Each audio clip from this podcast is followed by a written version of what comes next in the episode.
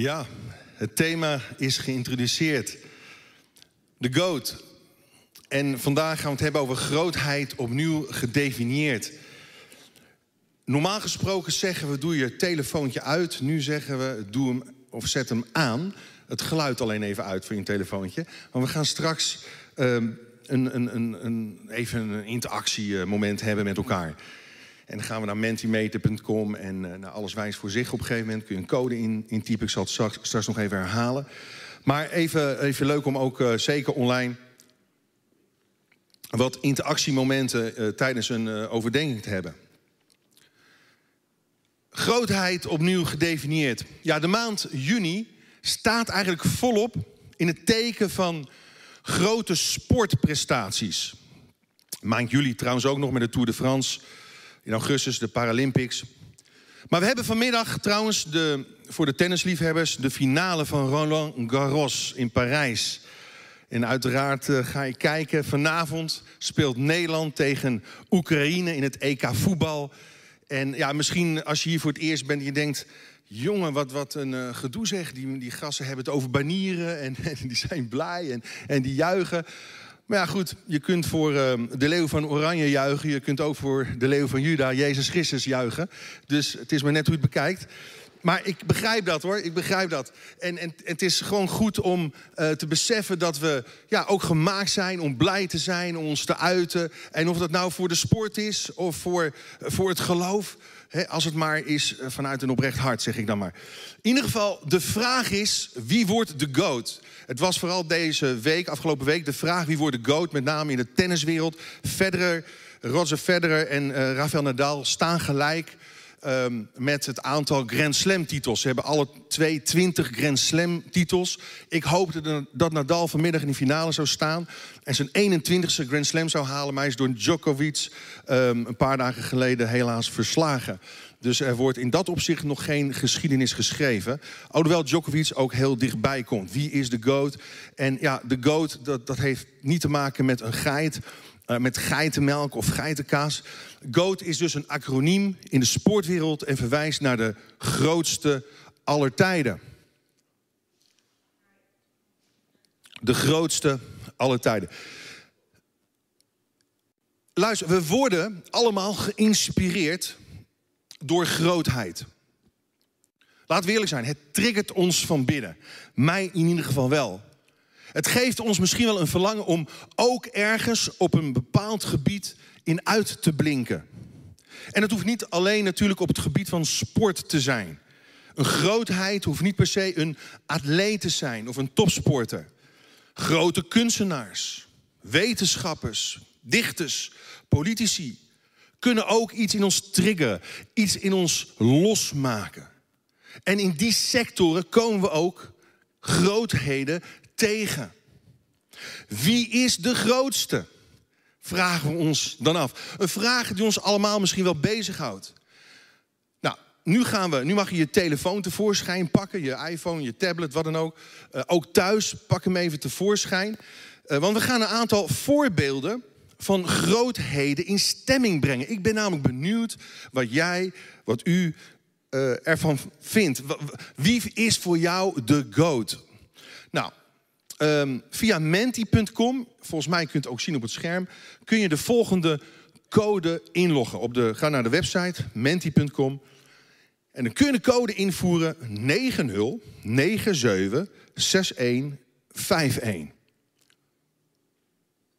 Lukt het allemaal? Ja? Is, uh, lukt het? Ik wacht eventjes, het heeft misschien even tijd nodig. Want het is wel leuk als zoveel mogelijk mensen meedoen. In de pop-up locatie, thuis, hier, in de zaal, live. Een hele uitdaging. Even een nieuw experiment, Mentimeter.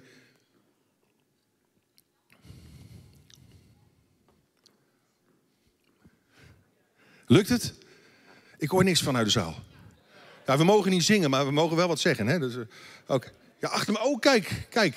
Ah, beginnen ze al. Ja, de eerste. Eh, eh, Coca-Cola of Pepsi? Wie is voor jou de GOAT, the greatest of all times? Ja, dit gaat dan over een merk. Ja? Ik wacht eventjes. Oh, kijk. Oh, kijk, Coca-Cola begint te winnen. Of begint te winnen, die is aan het winnen. En behoorlijk ook. 48 al. Nou, nog meer. Het is een duidelijke winnaar. De grootste alle tijden voor mensen in CLC Leeuwarden is dus... Ja, ja Coca-Cola, dat is, dat is overduidelijk. hè. Coca-Cola wint het van Pepsi. Oké, iets anders even. Ja, kan ik stoppen, uh, mensen van de techniek? Ja? Oh, gaat hij nog steeds door? Ja, maar zoveel tijd heb ik ook weer niet. Ah, de hond of de kat. Ja. De hond of de, wie is de grootste alle tijden? De hond, en ik, ik heb het even niet over wat voor hondenras, want dan krijg je helemaal problemen. Maar de hond of de kat. Wat is voor jou de goat? Ah, gelukkig, de hond begint op te lopen. Ik heb mijn voorkeur al een beetje uitgesproken. Eigenlijk kunnen we die kat wel vergeten, of toch niet? Even zien. Ja, ik maak geen vrienden met kattenliefhebbers op dit moment. Maar... Ah, 60, de hond. Amen.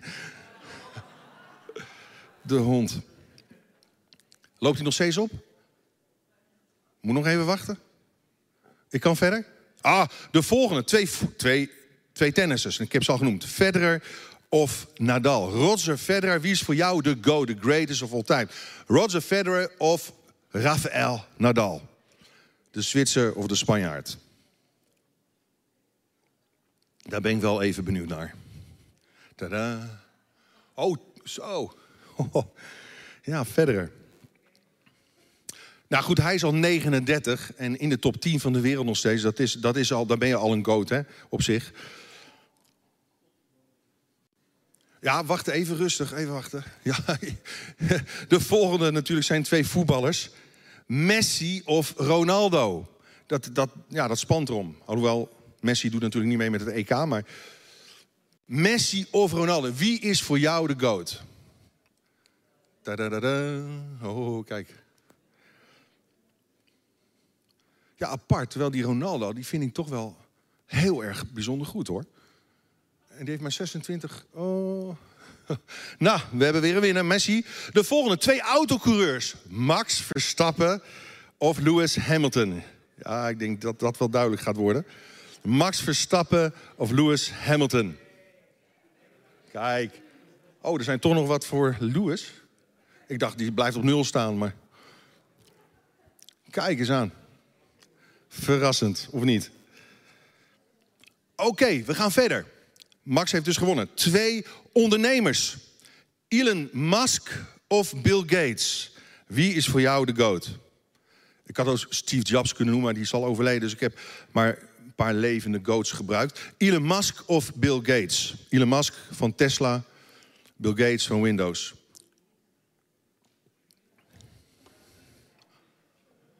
Oh, Gates, kijk eens. Ja, misschien is Gates wat bekender. Dus, uh... Maar als je in een Tesla rijdt, dan... Ja. Nou, het is duidelijk, hè? Bill Gates volgens mij. Ja. Oké, nu twee, twee zangeressen. Adele of Beyoncé? Ik weet niet of dat uh, heel eigentijds is. Voor de jeugd misschien zijn het alweer... Uh... Maar goed, Adele is nog steeds wel een, ja, een goat. Hè? En Beyoncé, ja. Ja, wie, wie, wie stem je? Adel. Oh, ah, Adel, duidelijk Adel. Duidelijk. Oké, nu de laatste, heel belangrijk. Oh, dat is misschien de belangrijkste. Twee snacks. Frikandel of kroket? Frikandel of kroket? Nou ben ik benieuwd. In CLC Leeuwarden. Wie is de goat? Oh, gaat de kroket het winnen van de frikandel?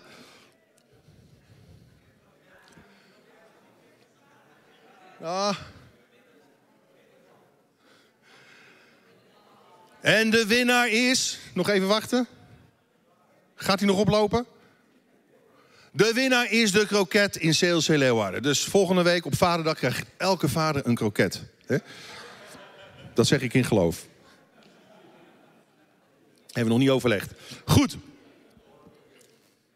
The GOAT, the greatest of all times. Nou, elk persoon of onderdeel dat we hebben laten zien, heeft wel een bepaalde mate van grootheid. Behalve dan de kat in mijn optiek. Maar ehm, we worden, laten we eerlijk zijn, we worden door grootheid aangetrokken. En ik geloof dat, dat God ook naar grootheid verlangt in ons leven. Dat vrijzet in ons leven. Toen, de vader van ons geloof geroepen werd, Abraham, zei God niet tegen hem: Ik zal je naam middelmatig maken. Ik zal je naam klein maken. Ik zal je klein houden. Sommige mensen willen anderen klein. Nee, ik zal je naam groot maken. Dat betekent invloedrijk, tot zegen, impact voor de anderen. En Abraham wordt zowel bron als verspreider van Gods zegen voor de hele mensheid. Doordat hij in gehoorzaamheid uitstapt en God volgt. En door, door hem zou Israël voortkomen, die tot zegen bestemd is voor alle volken. Daarom is het ook belangrijk om eh, Israël te zegenen. En niet te vervloeken, maar te zegenen. En, en er staat in Genesis, lees mee, 12 vers 2. Ik zal u tot een groot volk maken, u zegenen, uw naam groot maken. En u zult tot een zegen zijn. En ook later zien we in, in de psalmen dat de psalmist erop vertrouwde dat ondanks de tegenslagen in zijn leven, dat God zijn aanzien zou vergroten. Ondanks de ellende die je kunt meemaken, wil God jou omringen met zijn troost en met zijn glorie. Er staat in Psalm 71, vers 20, U, die mij veel benauwdheden en ellende hebt doen zien, U zult mij weer levend maken en mij weer optrekken uit de diepe wateren. U zult mijn aanzien vergroten en mij omringen met uw troost. Dat is een vrij letterlijke vertaling. Mijn aanzien vergroten. Maar nu dan, wat is grootheid precies in de ogen van God? En hoe kunnen we groot zijn in zijn ogen? Zo komen we uit bij de vraag die discipelen aan Jezus stelden. Wie van hen de grootste was? En er zijn verschillende invullingen die je aan grootheid kunt geven. Je kunt het zien misschien als roem, je kunt het zien als aanzien, je kunt het zien als succes, je kunt het zien als status. Maar in Gods oog ligt dat toch wel wat anders. Er zijn verschillende invalshoeken en interpretaties. Maar luister goed, wij zijn burgers van het koninkrijk van God. En in Gods koninkrijk gelden andere maatstaven, andere principes, andere normen dan in deze wereld. Zo zullen bijvoorbeeld in Gods ogen de zachtmoedigen de aarde beërven. Niet de brutale, niet de hoogmoedige. Dus de principes van Gods grootheid in zijn koninkrijk zijn ook cultuuroverstijgend. Ze gelden voor iedereen in elke tijd en voor elke generatie. En zo komen we uit bij het meningsverschil van de discipelen die aan het twisten waren wie van hen de grootste was. En wat zit hierachter? Laten we ook kijken naar de context. Marcus hoofdstuk 10, vers 35. Ik wil u meenemen in dit verhaal. Jacobus en Johannes waren twee discipelen, volgelingen van Jezus, de zonen van Zebedeus, gingen naar Jezus toe. Meester, wij willen u een gunst vragen. En Jezus, wat willen jullie dat ik voor jullie doe? En toen zeiden ze, als u op uw troon bent gezeten in heerlijkheid, in macht, dat wij dan naast u mogen zitten, de een rechts en de ander links van u. Nou, toen gingen een aantal wenkbrauwen zich fronsen. Want wat is de context? Ze waren op weg naar Jeruzalem. En Jezus had net aangekondigd dat hij zal moeten lijden, sterven en dan pas weer opstaan. En meteen daarna ontspringt die vraag vanuit de kring van de discipelen wie de grootste zal zijn. Nogal een vreemde vraag, niet op dat moment. Jezus had net gezegd, joh, ik moet gaan lijden, ik moet gaan sterven. Hij zal gekruisigd worden. Maar het kruis zagen ze niet voor ogen. Wel de heerlijkheid die Jezus zou gaan ontvangen. Wanneer hij zijn koninkrijk zou gaan vestigen. Zijn messiaans rijk zou vestigen in Israël. Dus wat was het geval? Ze hadden een politieke messias voor ogen. Dat was voor hun, zeg maar, de goat. Maar niet een messias die zich zou gaan vernederen tot aan de dood van het kruis.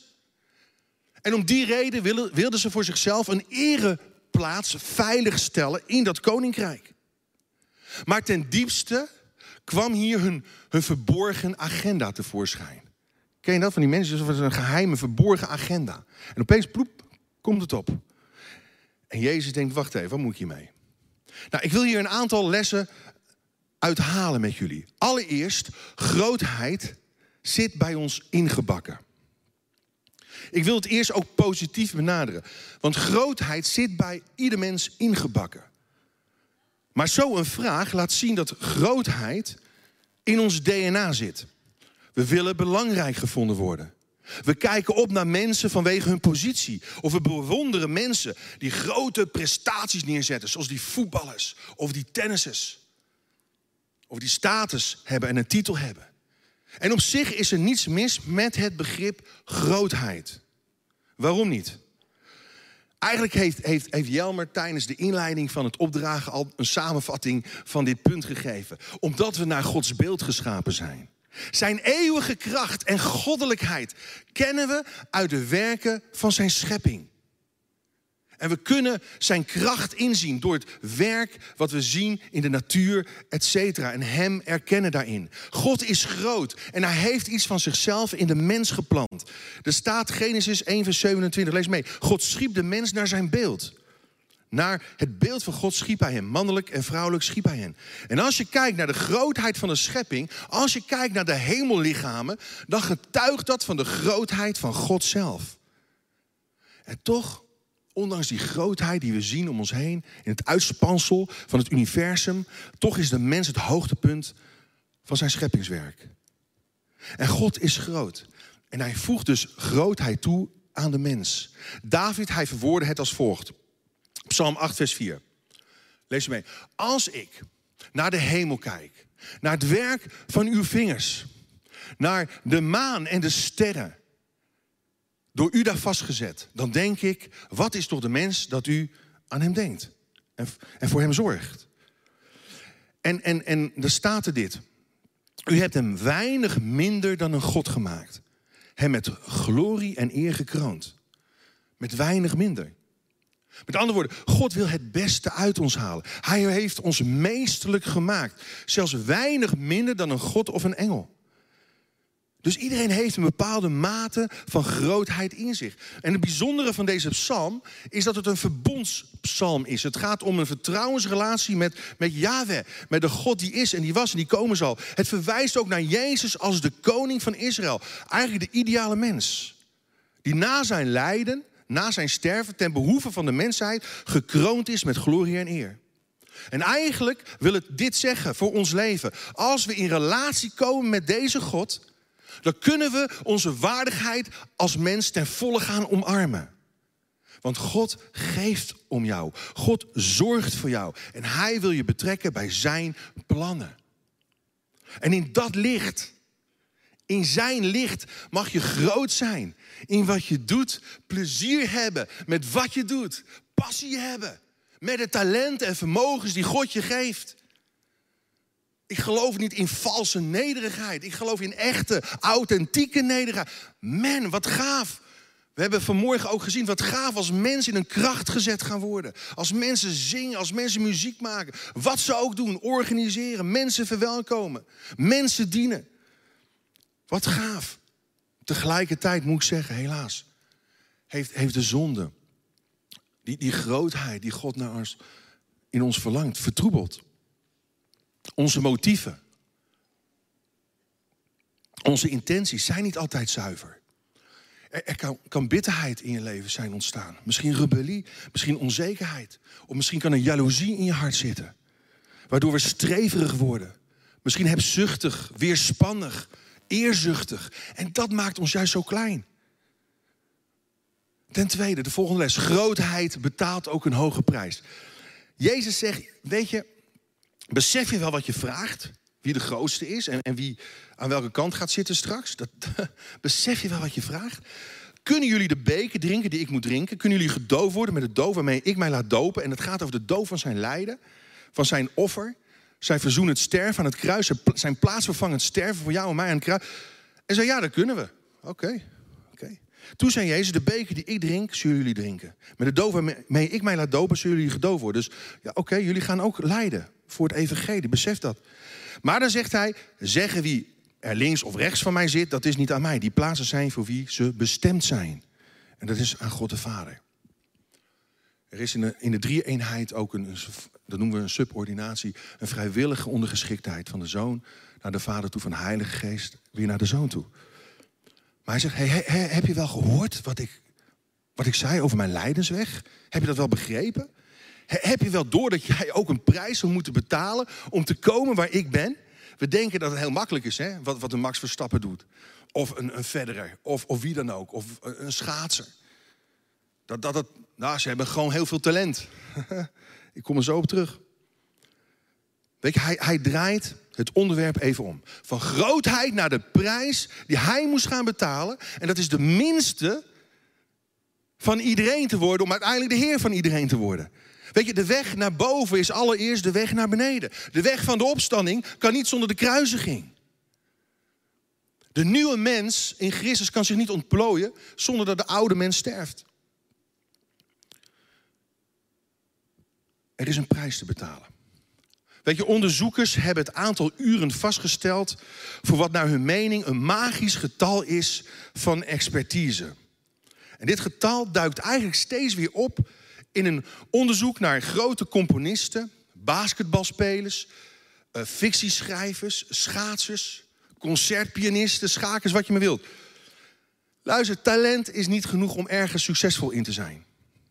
Om een niveau van beheersing te bereiken. Dat we verbinden aan een, een bekwaamheid, een expertise van wereldklasse op welk gebied dan ook. Is dat er 10.000 uren oefening of training voor nodig is. Malcolm Gladwell heeft het volgende onderzocht en, en geconstateerd. Lees, lees mee. 10.000 uren is het magische getal voor grootheid. Dit komt neer op zo'n drie uur per dag of 20 uur per week trainen, oefenen gedurende 10 jaar lang achter elkaar. Dit geldt zelfs voor mensen die we als wonderkinderen beschouwen, zoals bijvoorbeeld een Mozart. 10.000 uren training. Voordat je, zegt hij, ergens groot in wordt. Daar wordt dus een hoge, grote prijs voor betaald. Het komt je niet aanwaaien om ergens te komen, om iets te bereiken. Ook op geestelijk gebied is er een prijs, een offer te betalen. Een weg van lijden te gaan. Van pijn en moeite soms, van worstelen. Ook met God. Heer, ik snap niks van waarom u dit en dit toelaat in mijn leven. Waarom? En, en, en we, we worstelen ons een, weg er doorheen. En Paulus, hij waarschuwt ook in de context van de eindtijd dat we door verdrukkingen het koninkrijk van God binnen zullen gaan. Het is geen glijbaan hup naar de hemel. En ook, ook al zijn we verlost uit genade, door verdrukkingen zullen we het koninkrijk binnengaan. En die gaan er komen. Die zijn er misschien nu al. We hebben zendelingen die in Jordanië en Syrië bezig zijn. Welkom weer terug. Eh, eh, eh, maar die, die, die, die, die zien wat voor lijden er is, wat, wat voor lijden christenen ondergaan in, in dat soort landen. En dan ten derde, derde les. Een misplaatste gedrevenheid en hang naar grootheid, naar wie, wie de belangrijkste moet zijn ergens, beschadigt relaties. Beschadigde relaties. Om groot te worden, om iets te willen bereiken, hoeft dus op zich geen verkeerde ambitie te zijn. Maar wel als het ten koste gaat van anderen. Wel als je jezelf over de ruggen van anderen wil opwerken tot die eerste plaats. Wel als je jezelf gaat verheffen boven andere mensen. En de vraag van de twee broers om links en rechts naast de troon van God te zitten, betekende dat er voor de andere tien discipelen dus geen plaats meer was. Ze drongen zich op. Ze verkozen zichzelf voor een bepaalde positie, ten koste van de anderen, ten koste van hun vrienden. En, kijk eens, misplaatste grootheid Misplaatste gedreven of hang naar grootheid. Uitzicht in prestige en trots. Hoe kijken mensen naar mij? Zien ze mij wel staan? Word ik wel erkend? Word ik wel bevestigd? Zien ze wel hoe goed en geweldig ik ben? Het uitzicht ook in machtsmisbruik. Streven, hunkeren naar positie. Ik voel me pas belangrijk als ik controle over mensen of situaties heb. Want een positie geeft me aanzien. Ik haal mijn identiteit misschien wel uit wat ik doe, uit mijn werk of wat dan ook. Maar juist dat maakt mensen zo onzeker. God, weet je, is geïnteresseerd in wie je bent. In, in, ook in je functie, niet in wat je positie is. God is geïnteresseerd in je houding, niet in je prestatie. Let dan ook op de reactie van andere discipelen. Want het beschadigt relaties. Toen de tien anderen hiervan oorden, die andere discipelen, werden ze boos op Jacobus en Johannes. wat zien we? Letterlijk staat er, de anderen werden ontzet. Die werden, werden erg geërgerd, geprikkeld. Er ontstond eigenlijk meteen een soort van conflict. Waarom jij wel en ik niet? En wat denk jij wel niet? En hier ontstaat er vaak verdeeldheid en ruzie. Maar Johannes en Jacobus, die, ze keken door een tunnelvisie. Ze zagen alleen maar zichzelf staan. Ze zagen niet het grotere geheel, het grotere plaatje van Gods reddingsplan, van Gods visie voor deze wereld. En Jezus zei in feite: hé, hey, je zet jezelf op de voorgrond en zo werkt het niet. Je wordt in Gods koninkrijk ertoe geroepen. Niet ertoe gedreven, ertoe geroepen. En Jezus zelf, hij stond onder gezag van zijn vader. En hij liet de beslissing wie aan zijn linker of rechterhand zou komen te staan of zitten. Als hij een keer op zijn troon zit in Jeruzalem, liet hij aan zijn vader over. Dus wat doet misplaatste relaties? Sorry, misplaatste grootheid met je relaties? Het haalt anderen naar beneden. Het, het, het voegt geen waarde meer toe. Het bouwt niet meer op. Het veroorzaakt twist en scheiding tussen mensen. Dus wat gaat Jezus doen aan deze situatie? Dat is heel mooi. Dat, dat is briljant. Jezus is echt de goat. Van wijsheid, van liefde, van kracht. Fantastisch. Wat gaat Jezus doen? Aan de vraag wie de goat is. Ten vierde. Ware grootheid, en daar sluit ik mee af, verhoogt mensen die om je heen staan en voegt waarde aan mensen toe. Hé, hey, ik vind jou zo belangrijk. Ik wil jou bemoedigen. Ik wil jou zegenen. Ik wil jou helpen. Dat, dat is ware grootheid. Verhoogt mensen die om je heen staan. Luister wat Jezus doet. Hij riep al zijn discipelen bij zich. Wacht even, nu is een, een, algemene, belangrijke, universele les te leren. Hij zei, jullie weten lees maar gewoon rustig mee. Dat zij die, die zogenaamd de volken besturen, in werkelijkheid heersers over hen zijn. En dat de groten in een rijk alleen maar hun macht over de mensen laten gelden. Zo moet het bij jullie niet gaan. Als iemand van jullie de grootste, de goot wil zijn, moet hij de anderen dienen. Als iemand van jullie de eerste wil zijn, moet hij voor iedereen slavenwerk doen. En dan zegt hij dit over zichzelf. Want ook de mensenzoon is niet gekomen om zich te laten dienen, maar om zelf te dienen en zijn leven te geven als losprijs voor velen. Dat is evangelie. Ik ga ook wel een aantal dingen nuanceren. Jezus is niet tegen leiders die gezag uitoefenen. Gezag is ook een principe van Gods koninkrijk. Hij is tegen gezagsuitoefening die mensen onderdrukt. Die mensen kleineert. Die mensen klein houdt. Het woordje macht of heersen in, in het Grieks betekent hier letterlijk met ijzeren vuist regeren. Zo hoort dat niet in Gods koninkrijk te gaan. Dat is dus misbruik maken van macht of gezag. Jezus zelf, hij oefende voortdurend gezag uit over ziekte, over dood, over situaties. Maar ook als hij een bepaalde koers wilde uitzetten. Als hij zei, hey, jongens, discipelen, ga naar de overkant van het meer. Dan gingen de discipelen niet een commissie vormen om te discussiëren of ze het wel of niet zouden gaan doen. Hé, hey, uh, Petrus, wat vind jij ervan? Ja, Jacobus, ik vind het ook eigenlijk een beetje laat. Ja, wat gaan we nou doen? En uh, Simon, dat, uh, Judas, wat, wat, wat, denk jij? Ja, laat maar zitten. Ja, als ze zo waren bezig gegaan, hadden ze Petrus nooit op het water zien lopen. Nee, tuurlijk, hij gaf leiding. Hij had gezag. Maar wel op een manier die in belang stond van het geheel, van de mensheid. Weet je, Jezus keurt gezag of het groot willen zijn niet af. Maar hij wijst daartoe de juiste weg aan. Door een dienaar te zijn van anderen. Door het grotere plaatje voor ogen te zien. En niet het eigen belang. Dus wil je de grootste zijn, zegt Jezus, dat mag. Maar dan begin je met dienen. Dienen betekent de waarde van de, van de ander omhoog brengen. Dienen betekent andere mensen beter maken. Andere mensen helpen vooruit te komen. Dienen betekent je leven geven voor mensen die God niet kennen. Dienen is geen zwakte, maar een kracht. Dat leven vrijzet in jezelf en anderen. Ik sprak deze week nog met iemand van ons worshipteam. En die zei heel treffend: Ik zie mijn taak, en ik parafraseer het een beetje, maar ik zie mijn taak, mijn rol als iemand die anderen beter wil maken in wat ze doen. Om de ander tot zijn recht, tot zijn doel te laten komen. Om de ander in zijn of haar kracht vrij te zetten. En ik dacht bij mezelf, wat een mooie omschrijving van leiderschap is dat. Van dienend leiderschap.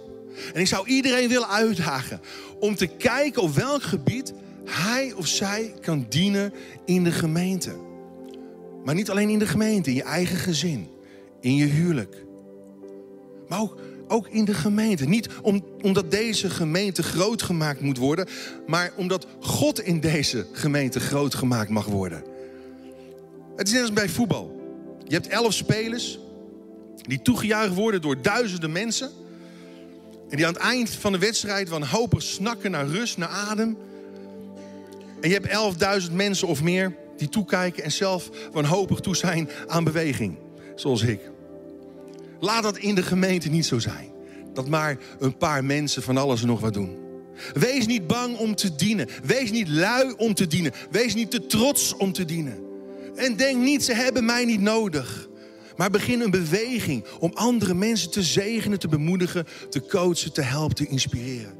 In je huwelijk, in je gezin, in de gemeente, op je werk. Zullen we onze hoofden buigen, onze ogen sluiten.